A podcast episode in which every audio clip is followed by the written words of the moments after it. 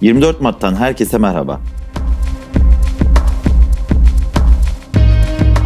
Türkiye'den gelişmeler. Dışişleri Bakanı Mevlüt Çavuşoğlu, Brüksel'de katıldığı NATO Dışişleri Bakanları toplantısında Türkiye'nin Afganistan'da barış süreci için yapılacak üst düzey toplantıya ev sahipliği yapacağını açıkladı.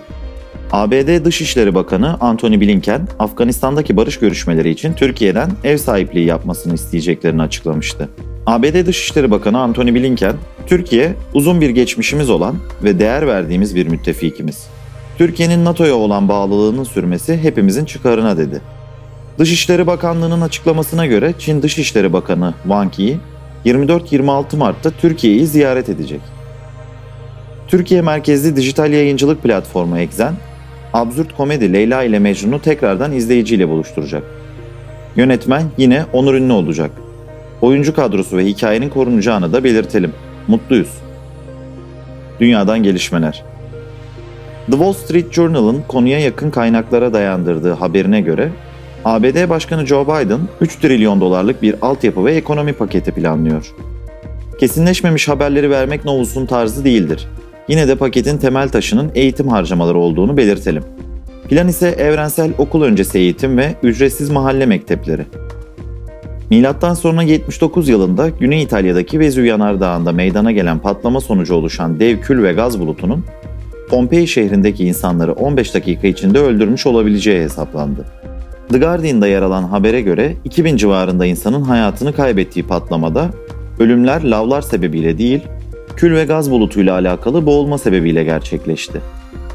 Birleşmiş Milletler Yargısız ve Keyfi İnfazlar Özel Raportörü Agnes Kayamard'ın gazeteci Cemal Kaşıkçı cinayetine ilişkin raporu sebebiyle üst düzey bir Suudi Arabistanlı yetkili tarafından ölümle tehdit edildiği açıklandı. The Guardian'a konuşan Kayamart, 2020'nin Ocak ayında bir Suudi yetkilinin Cenevre'de düzenlenen bir toplantıda dizginlenmemesi durumunda ilgilenileceğini söylediğini aktardı. Japonya merkezli mesajlaşma uygulaması Line, Çin'e bağlı kuruluş ve yüklenicilerin Japonyalı kullanıcıların bilgilerine erişimini durdurdu. Gerekçe ise teknoloji şirketinin üzerindeki veri yönetimi incelemelerinin artışı. Twitter'ın kurucusu Jack Dorsey'in paylaştığı ilk tweet, NFT kripto para cinsinden 2,9 milyon dolara satıldı.